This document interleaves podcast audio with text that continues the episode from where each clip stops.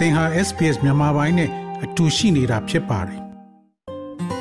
SBS မြန်မာပိုင်းကို အင်ကာနဲ့စနေနေ့ည10:00နာရီမှနားဆင်နိုင်တယ်လို့အွန်လိုင်းကနေလည်းအချိန်မီနားဆင်နိုင်ပါပြီ။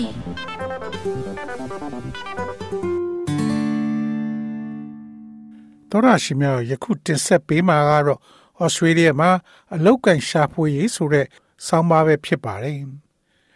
ဩစတြေးလျမှာ အလောက်ကန်အခွင့်အလမ်းအများစုကိုပွင့်ပွင့်လင်းလင်းကြေညာထားတာတော့မရှိပါဘူး။ဒီအခွင့်အလမ်းများကို ထိထိရောက်ရောက်ကြည့်ရှုနိုင်ရန်ဩစတြေးလျအလုပ်သမားဈေးကွက်ရဲ့ကွဲပြားချက်များကို နားလေသဘောပေါက်ရန်အရေးကြီးပါတယ်။သမီးတို့ကြအလုရာတူများတစ်ခုတည်းကိုသာ အားကိုးနေမဲ့အစားအခွင့်အလမ်းများကိုဖော်ထုတ်ရန်နီလန်းများကို တက်ကြွစွာ ရှာဖွေခြင်းကအရေးကြီးပါတယ်။ ဖုံးကွယ်ထားသော အလုတ်ကိုင်းဈေးကွက်ရဲ့အလားအလာများကို ဖွင့်ထုတ်ခြင်းနဲ့ရွှေပြောင်းအလုတ်ကိုင်းဝန်ဆောင်မှုများနဲ့သင်ကိုယ်တိုင်ယဉ်ဒီကျွမ်းဝင်ခြင်းသည်အလုတ်ကန်ရှာဖွေရေးလုပ်ငန်းစဉ်ကိုအရှိန်မြင့်ရန်အတွက်အဓိကကျတဲ့ခြေလှမ်းများဖြစ်ပါတယ်။ဒီအရေးမြစ်များကို ဖော်ထုတ်ခြင်းဖြင့်သင်ဟာ၎င်းတို့ရဲ့အလုတ်ကန်ရရှိရေးအခွင့်အလမ်းများကိုပုံမလျင်မြန်စွာ မြင့်တင်ပေးနိုင်ပါတယ်။ အလုတ်ကန်ရှာဖွေခြင်းသည် လေးနက်သော လုပ်ငန်းတစ်ခုဖြစ်ပါတယ်။ဩစတြေးလျကို ရောက်တာနဲ့သင်အလုတ်ကန်ခွင့်ရေးတွေကိုချက်ချင်းစစ်ဆေးပြီးအလုတ်ကန်ခွင့်လန်းတွေကိုတက်ကြွစွာလိုက်လျှောက်ဖို့ကအရေးကြီးပါတယ်။ဒါက NB Migration ဥပဒေရဲ့အဓိကရှေ့နေ Agnes Gimenez ရဲ့အကြံပြုချက်ဖြစ်ပါတယ်။ you have to be absolutely brave enough to go out and look for work. No one is gonna find you a job. To find a job, it is extremely important that you ပြေ understand မ all ထွက်ပြီး the လှုပ်ရှားဖို့က unemployment တတ် market. ရှိရှိရ It မယ် is irrelevant ဘယ်သူကမှမင်းကို or not. လှုပ်ရှားပေးမှာမဟုတ်ဘူး Say to the အလောက်ကန်ရှာဖွေရန် employer, ဩစတြေးလျ "Hey, I have an အလောက်ကန်ဈေးကွက်ကို accent. နားလည်ဖို့ကအလွန်အရေးကြီးပါတယ်သင်မှာ accent ဝဲသန်ရှိခြင်းမရှိခြင်းနဲ့မသက်ဆိုင်ပါဘူး အလောက်ရှင်ကို hey ငါမှ accent ရှိတယ်နင်ငါ့ကိုမှတ်မိသားပဲအားနေချက်ကဘာပဲဖြစ်ဖြစ်ကိုယ့်အကျိုးရှိအောင်အသုံးချနိုင်ပါတယ်ဒါပေမဲ့မင်းအပြင်ဘက်မှာမင်းတယောက်တည်းအလုပ်ကိုရှာရမှာဖြစ်ပါတယ်သင်အလုပ်ရှာဖွေမှုကိုစတင်ရန်အတွက် Seek Career One နဲ့ Jora ကဲ့သို့သောအလောက်ကန် website များကို အသုံးချကာ LinkedIn ကဲ့သို့သော လူမှုမီဒီယာ platform များနဲ့အတူ ရရှိနိုင်သောအလုပ်အမျိုးအစားများနှင့်လိုအပ်ချက်များရှိသောကဏ္ဍများအတွက်တန်ဖိုးရှိသော ထိုးထွင်းသိမြင်မှုကို ပေးဆောင်နိုင်ပါတယ်။လူသစ်စုဆောင်းရေးနဲ့အလုပ်သမားငှားရမ်းရေး agency များထံဆက်သွယ်ရာတွင် အထောက်အကူဖြစ်နိုင်တယ်လို့ Miss Gimenez ကပြောဆိုပါတယ်။ The differences between recruitment and labor hire is that the recruitment company will assist you to find a job and လူ they သစ်စု will ဆောင်းခြင်း charge နဲ့ a fee အလုပ်သမားငှားရမ်းခြင်းကြားမှာခြားနာချက်မှာစုဆောင်းရေးကမ္ဘာသည်သင်အားအလုပ်ရှာဖွေရန်အကူအညီပေးမှာဖြစ်ပါတယ်။အလုပ်ခံထားသောအဖွဲ့အစည်းအတွက်အခကြေးငွေကို ကောက်ခံမှာဖြစ်ပါတယ်။အလုပ်သမားငှားရမ်းမှုဟာသင်အားဓာတ်ရိုက်အလုပ်ကိုင်များပေးတော်လဲသူတို့ကသင်ကိုနောက်ဆုံး အသုံးပြုသူစီမှာငှားပေးပါတယ်။သို့တော်လည်းအလောက်ကိုက်ရှာဖွေခြင်းသည် သမျိုးကျလမ်းကြောင်းများကိုကျော်လွန်သွားပါတယ်။၎င်းသည်လှုပ်ဝဲအလုတ်ဈေးကွက်သို့ဝင်ရောက်ခြင်းပါဝင်ပါတယ်။ယာတုအများအပြားကိုကြုံညာခြင်းမပြုရသေးသောကြောင့်အလုတ်ရရှိရေးတွင် အလုတ်ရှင်များနှင့်ဓာတ်ရိုက်ထိတွေ့ဆက်ဆံခြင်းဖြင့်ဩစတြေးလျတွင်တည်ထောင်ထားသောချိတ်ဆက်မှုများဖြင့်သင်ကိုယ်ရက်ကိုတက်ကြွစွာ တိုးချဲ့ခြင်းတို့ပါဝင်ပါတယ်။ဤချီကပ်မှုသည်အများသူက post တင်ခြင်းမပြုဘဲလူများကို မကြာခဏငှားရမ်းရန်ရှာသည့်သင်ရဲ့ Facebook အသိုင်းအဝိုင်းအုပ်စုများအတွင်းအခွင့်အလမ်းများကို ရှာဖွေခြင်းပါဝင်ပါတယ်။ရွှေပြောင်းနေထိုင်သူများနှင့်ဒုက္ခသည်များဆိုင်ရာ အလောက်ကိုင်းဝန်ဆောင်မှုများစွာကိုလည်းသင်ဝင်ရောက်ကြည့်ရှုနိုင်ပါတယ်။ဥပမာအားဖြင့် Settlement Services International SSI ကဲ့သို့သောနိုင်ငံတွင်အကျိုးအမြတ်မယူသော အဖွဲ့အစည်းတချို့သည် မတူညီသော နောက်ခံများမှလူများကို လေးကျင့်ရေးနှင့်အလောက်အကင်လမ်းကြောင်းများစီသို့မိတ်ဆက်ပေးပါတယ်။ SSI program များသည်ဒုက္ခသည်များနှင့်ရွှေ့ပြောင်းအသိုက်ဝိုင်းများကို အထူးပြင့်မှတ်ထားတယ်လို့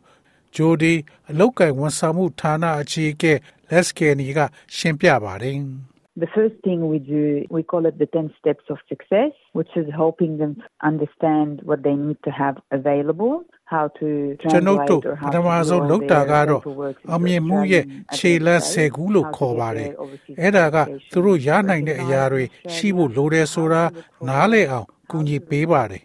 ၎င်းတို့ရဲ့စာရွက်စာတမ်းအားလုံးကို Australian အထောက်အထားအခြေစိုက်စခန်းသို့ဘာသာပြန်ဆိုပုံမြည်သို့ ဘာသာပြန်ဆိုရမည်နည်း၎င်းတို့ရဲ့နိုင်ငံရခြားရေးချင်းများကို Australia မှာအသိမှတ်ပြုရပုံအလောက်ရှာပုံစီးပွားရေးလုပ်ငန်းကို သူသေသနာပြုပုံ၎င်းတို့ကိုလုတ်ပိုင်ခွင့်အာဏာနှင့် အမိခိုကင်းစေရန်ကျွန်ုပ်တို့ကဲ့သို့သောဝန်ဆောင်မှုများနှင့်ချိတ်ဆက်ရန်နီလန်းများပေးပါတယ်။ရောက်ရှိလာခြင်းတွင် ရွှေပြောင်းနေထိုင်သူအသစ်များသည်၎င်းတို့ရဲ့ဒုက္ခသည်များနှင့် ခိုလုံခွင့်ရှာဖွေသူများအလောက်ကိုင်စီစဉ်များမှတစ်ဆင့် SSI သို့ချိတ်ဆက်ထားပါတယ်။ SSI သည်သင်ရဲ့ကျွမ်းကျင်မှုအဆုံးလင်းကိုအကဲဖြတ်ပါတယ်။သင်ရဲ့အလုံမှတ်တမ်းကိုအကဲဖြတ်ခါသင်ရဲ့အသက်မွေးဝမ်းကြောင်းဆန္ဒများကိုထည့်သွင်းစဉ်းစားပေးပါတယ်။ဒီ program များမှတစ်ဆင့်လူများသည် Australian စံနှုန်းများနှင့်ကိုက်ညီစေရန်၎င်းတို့ရဲ့ကိုယ်ရေးရာဇဝတ်များကိုအဝင်ခွင်ချဖြစ်အောင် ပြုလုပ်နည်းကို လေ့လာကြပြီးအလောက်ကိုင်ဈေးကွက်ကိုပုံမနဲ့ဆိုင်စွာ နားလေသဘောပေါက်လာကြပါတယ်။အကယ်၍သင်သည် နိုင်ငံရခြားတွင် အလောက်ကင်တစ်ခုလောက်ကင်ပါက SSI သည်ထိုအလောက်ကင်ကိုမည်သို့ဘာသာပြန်ဆိုနိုင်သည်သို့မဟုတ် Australia တွင် ရရှိနိုင်သော အခွင့်အလမ်းများနှင့်လိုက်လျောညီထွေဖြစ်စေရန်လမ်းညွှန်ချက်ပေးကြောင်း Miss Lescani ကရှင်းပြပါတယ်။ For example, if you're a mechanical engineer in Middle East working on multi-billion projects, how can you get your foot in the door? Can you start as a project manager? Can you start somewhere else while we go through all the other steps of getting overseas ဥ qualification? ပမာသင်သည် recognition, ဒေါ်လာ working ဘီလီယံ on ပေါင်း improving များစွာ leadership တန်သော work, project working on များပေါ်တွင် building confidence, လှုပ်ဆောင်နေသော building အရှိအလယ်ပိုင်းရှိ so that at the end စက် of ပိုင်း the ဆိုင်ရာ day, we all အင်ဂျင်နီယာ know တူ you ဖြစ်ပါ find က the job, the သင် job ဘလို့ will ပထမ find ခြေ you လမ်းကို anyway. လှမ်းရမည် project manager အဖြစ်သင်စတင်နိုင်ပါသလားနိုင်ငံရခြား အရေးချင်းအသိမှတ်ပြုမှု အလုပ်တွင်အင်္ဂလိပ်စာတိုးတက်စေရေးယုံကြည်မှုတိဆောက်ရေးလူမှုကွန်ရက်များတိဆောက်ရေးလှုပ်ဆောင်ခြင်းစသည့်တခြားသောအဆင့်အားလုံးကိုဖြတ်သန်းစဉ်တွင်သင်သည်တခြားအလုပ်တစ်နေရာတစ်ခု၌စတင်နိုင်ပါသလား။ဘာကြောင့်လဲဆိုတော့တနေ့တာရဲ့အဆုံးမှာသင်အလုပ်ရှာမယ်ဆိုတာကိုကျွန်ုပ်တို့အားလုံးသိပါတယ်။အလုပ်ကသင်ကိုလာတွေ့မှာမဟုတ်ပါဘူး။ပြီးတော့သင်ဘယ်သူကိုသိလဲ သင်ကိုအောင်မြင်နိုင်စေတဲ့အရာတိုင်းကိုလက်တွေ့ကြကြဘယ်လိုရှာဖွေမလဲ။ SSI သည်လူတဦးချင်းစီရဲ့ကျွမ်းကျင်မှုနဲ့အရေးချင်းများကို ထိထိရောက်ရောက်တင်ပြနိုင်ပြီးဈေးကွက်ချက်ထွင်းစေနိုင်မဲ့ပြည်တွင်းစီးပွားရေးလုပ်ငန်းများအားမိတ်ဆက်မှုများကိုကူညီဆောင်ရွက်ပေးပါတယ်။ဤပံ့ပိုးကူညီမှုသည်ပြည်တွင်းအလုပ်ကိုင်ဈေးကွက်အတွင်းဆွဲဆောင်မှုရှိသောအကွက်များနှင့်ချိတ်ဆက်မှုများပြုလုပ်ရာတွင်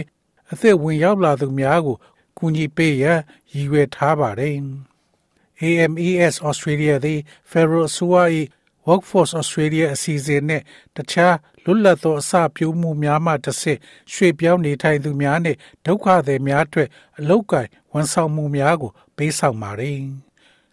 င်းတို့ရဲ့ရည်ရွယ်ချက်မှာရွှေ့ပြောင်းနေထိုင်သူများနှင့်ဒုက္ခသည်များရင်ဆိုင်နေရသော အလောက်ကိုင်ရှာဖွေရေးတားဆီးများကိုဖယ်ရှားပေးရန်ဖြစ်ပါတယ်။ AMES Australia မှ Public Affairs Manager Laurie Nowell ရဲ့အဆိုအရ၎င်းတို့သည်ရွှေပြောင်းအလုပ်သမားများတို့နဲ့အတူယူဆောင်လာပေးတဲ့အားသာချက်များကျွမ်းကျင်မှုအရေးချင်းများနဲ့နေထိုင်မှုအတွေ့အကြုံများကိုမိမောင်းထုတ်ပြပေးပါတယ်။ One of the programs we run is the Employment Mentoring Program, which seeks to speed up migrant pathways into employment. It was designed to better ကျွန်ုပ်တို့သည် coordinate the လေပတ်နေတဲ့ services program that များ migrants ထဲမှ can access တစ်ခုသည် to ရွှေ့ get them ပြောင်းအ into လုပ်သ work မား more များ quickly. အလုပ် We ကိုင် bring လမ်း our ကြောင်းများနဲ့ refugee အ settlement ရှိန်မြင့်ရန် education ကြိုးပမ်းသည့် and အလုပ်ကိုင် employment together in one place လမ်းညွှန်မှု and အစီအစဉ် they ဖြစ် can ပါတယ် triage each ၎င်းသည်ရွှေ့ပြောင်းအလုပ်သမားများပုံမလျင်မြန်စွာအလုပ်ဝင်နိုင်စေရန်အတွက်ပုံမကောင်းမွန်သော ပေါင်းဆက်ညှိနှိုင်းမှုများပြုလုပ်ရန်ရည်ရွယ်ထားပါတယ်။ဒါကြောင့်ကျွန်ုပ်တို့သည်ကျွန်ုပ်တို့ရဲ့ဒုက္ခသည်များအခြေချနေထိုင်ရေးပညာရေးနှင့်အလောက်ကိုင်ဝန်ထမ်းများကိုတနေရာတည်းတွင်စုစည်းစေပြီး၎င်းတို့သည်ရွှေ့ပြောင်းနေထိုင်သူသို့မဟုတ်ဒုက္ခသည်ဖောက်သည်တူကိုစုံစမ်းနိုင်ပါတယ်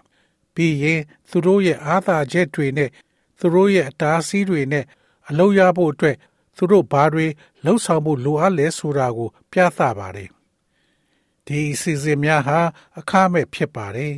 ။ AMES သည် Australia လုပ်ငန်းခွင်သို့ professional ရွှေ့ပြောင်းအလုပ်သမားများကို မိတ်ဆက်ပေးတဲ့ကျွမ်းကျင်သောရွှေ့ပြောင်းနေထိုင်သူများ program ကိုလည်းလှုပ်ဆောင်ပေးပါတယ်။ Participants receive advice about how to do an interview in Australia, how to write a resume, which are very different in different Australia countries. တွင် as well as interview insights လုပ် into နေ workplace ကို culture. ရေးရာ And ဆို they also ရေး get နေ a mentor နိုင်ငံအသီးသီးတွင် where they'll အလွန်ကွဲ connect ပြားသော with someone လုပ်ငန်းခွင် local who ရည်ကျေးမှုဆိုင်ရာ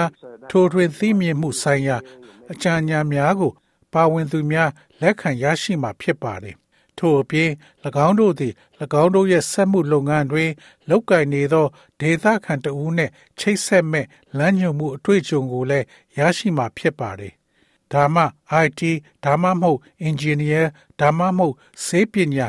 ဒါမှမဟုတ်ဘာအလုပ်ပဲဖြစ်ဖြစ်ဖြစ်နိုင်ပါတယ်။ဤ program များအကြောင်းနဲ့အချက်လက်များအတွက်သင်သည်အသေးစိတ်သိရှိလိုပါက AMES website တွင်ဝင်ရောက်ရှာဖွေနိုင်ပါတယ်။ အကယ်၍သင်သည် trading trade person ဖြစ်လာရန်စူးစမ်းလိုသော အမျိုးသမီးတူဖြစ်ပါက Women to Trades သည် New South Wales ပြည်နယ်အစိုးရရဲ့အစပြုမှုတစ်ခုဖြစ်ပါတယ်။ SSI မှတစ်ဆင့်လဲပတ်ပြီး trade person သို့မဟုတ်ဆောက်လုပ်ရေးကဏ္ဍသို့ဝင်ရောက်လာတဲ့စီးပွားရေးလုပ်ငန်းများနဲ့အမျိုးသမီးများအတွက်စွမ်းဆောင်ရည်နဲ့အသိပညာများကိုတိဆောက်ပေးတယ်လို့ SSI မှ Jory Letscani ကပြောဆိုပါတယ် We're specifically working with businesses and the females on building the business's capacity to ကျွန်ုပ်တို့သည် recruit, အမျိုးသမီးများကို retain, trade and လုပ်ငန်းတွင် empower women အမျိုးသမီးများ in trade. တိုးပွားလာခြင်းသည် ကြီးမားသောလူမှုရေးပြောင်းလဲမှုကိုကိုစားပြုပြီးအသက်မွေးဝမ်းကြောင်းနှင့်အခွင့်အလမ်းများကိုရှာဖွေနေသူများအတွက်ထဲသွင်းစဉ်းစားသင့်သည့်ကဏ္ဍတစ်ခုဖြစ်လာစေပါတယ်။ဒါမှမဟုတ် ပြုစုစောင့်ရှောက်မှုနဲ့အဲဝတ်ပြုမှုလုပ်ငန်းတွေမှာအလုပ်လုပ်ဖို့သင်စဉ်းစားထားပါသလား။ AMES Australia သည်အဆိုပါနယ်ပယ်များတွင်အသက်မွေးဝမ်းကြောင်းဆိုင်ရာသင်တန်းများဖွင့်လှစ်ပေးထားပါတယ်။ Laurie Noel ကယခုလိုထပ်မံပြောဆိုပါတယ်။ These are sectors where there are lots of entry level job opportunities. So we work with migrants and refugees. who ဒါတွေက maybe don't ဝင် have ခွင့်အဆင့် professional အလောက်ကန် qualifications, ခွင့်လန်း but တွေ wanna work, အများကြီး and ရှိတဲ့ကဏ္ဍ through တွေပါ hospitality, they can quickly ကျွန်ုပ်တို့ဟာ gain skills and professional competencies they အ need ရေး to ချင်း join မရှိ the တော့လဲ workforce and အလုံးလုံးလို့သောရွှေ့ပြောင်းနေထိုင်သူများနဲ့ဒုက္ခသည်များနဲ့လက်တွဲလှုပ်ဆောင်ပြီးပြုစုဆောင်ရှောက်မှုနဲ့အဝတ်ပြုမှုလုပ်ငန်းများကြောင့်၎င်းတို့သည်လှုပ်သားအင်အားတွင်ပါဝင်ရန်လိုအပ်သောကျွမ်းကျင်မှုနဲ့အရေးချင်းများကိုလျင်မြန်စွာရရှိနိုင်မှာပါ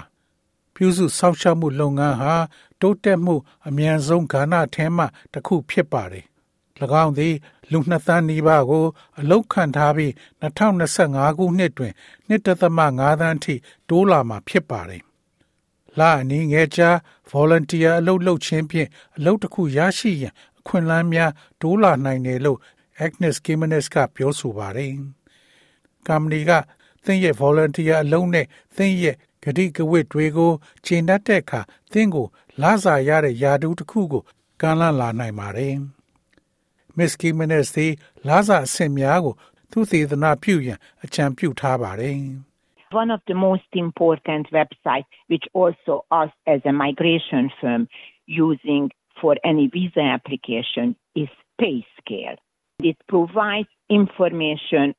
about a average ရွှေပြောင်း salary နေထိုင်ရေး level ကမ္ဘာ for တစ်ခု each အနေနဲ့ occupation. ကျွန်ုပ်တို့သည် This is ဗီဇာ very, လျှော very က်ထားမှုအတွက် helpful when အ you သုံး go ပြု out တဲ့ to the big ရေးကြီးဆုံး employment working website တွေထဲက Australia တစ်ခုကတော့ when you're looking for a PayScale job. ဖြစ်ပါတယ် You will understand ၎င်းဟာ that လုပ်ငန်းတစ်ခုစီအတွက် for ပြန့်မြန့်လစာအဆင့်အကြောင်းအချက်လက်တွေကိုပေးဆောင်ပါတယ်။ Australia ရှိအလုတ်ကန်ကဘာကြီးသို့သွားပြီးအလုတ်ရှာနေတဲ့အခါ၎င်းသည်အလွန်အသုံးဝင်ပါတယ်။ သင်ရဲ့လစာကိုဘယ်ကနေစပြီးညှိနှိုင်းရမလဲဆိုတာကိုသင်နားလည်လာပါလိမ့်မယ်။တော်ရရှိမြခင်ဗျာ SBS သတင်းဌာနက Melissa Companoni ရဲ့ဆောင်းပါးကိုဘာသာပြန်တင်ဆက်ပေးထားတာဖြစ်ပါတယ်ခင်ဗျာ။ sbs.com.au/bemis ကို home နေရာမှာထားပြီးတော့အမြဲတမ်းနှာစင်နိုင်ပါတယ်။ နောက်ဆုံးရသတင်းတွေ၊စောင်းမားတွေနဲ့စစ်တမ်းတွေမှာပါဝင်ပြီးတော့ဆက်သွယ်မှုလုပ်နိုင်ပါတယ်။ sbs.com.au/bemis ဖြစ်ပါတယ်ရှင်။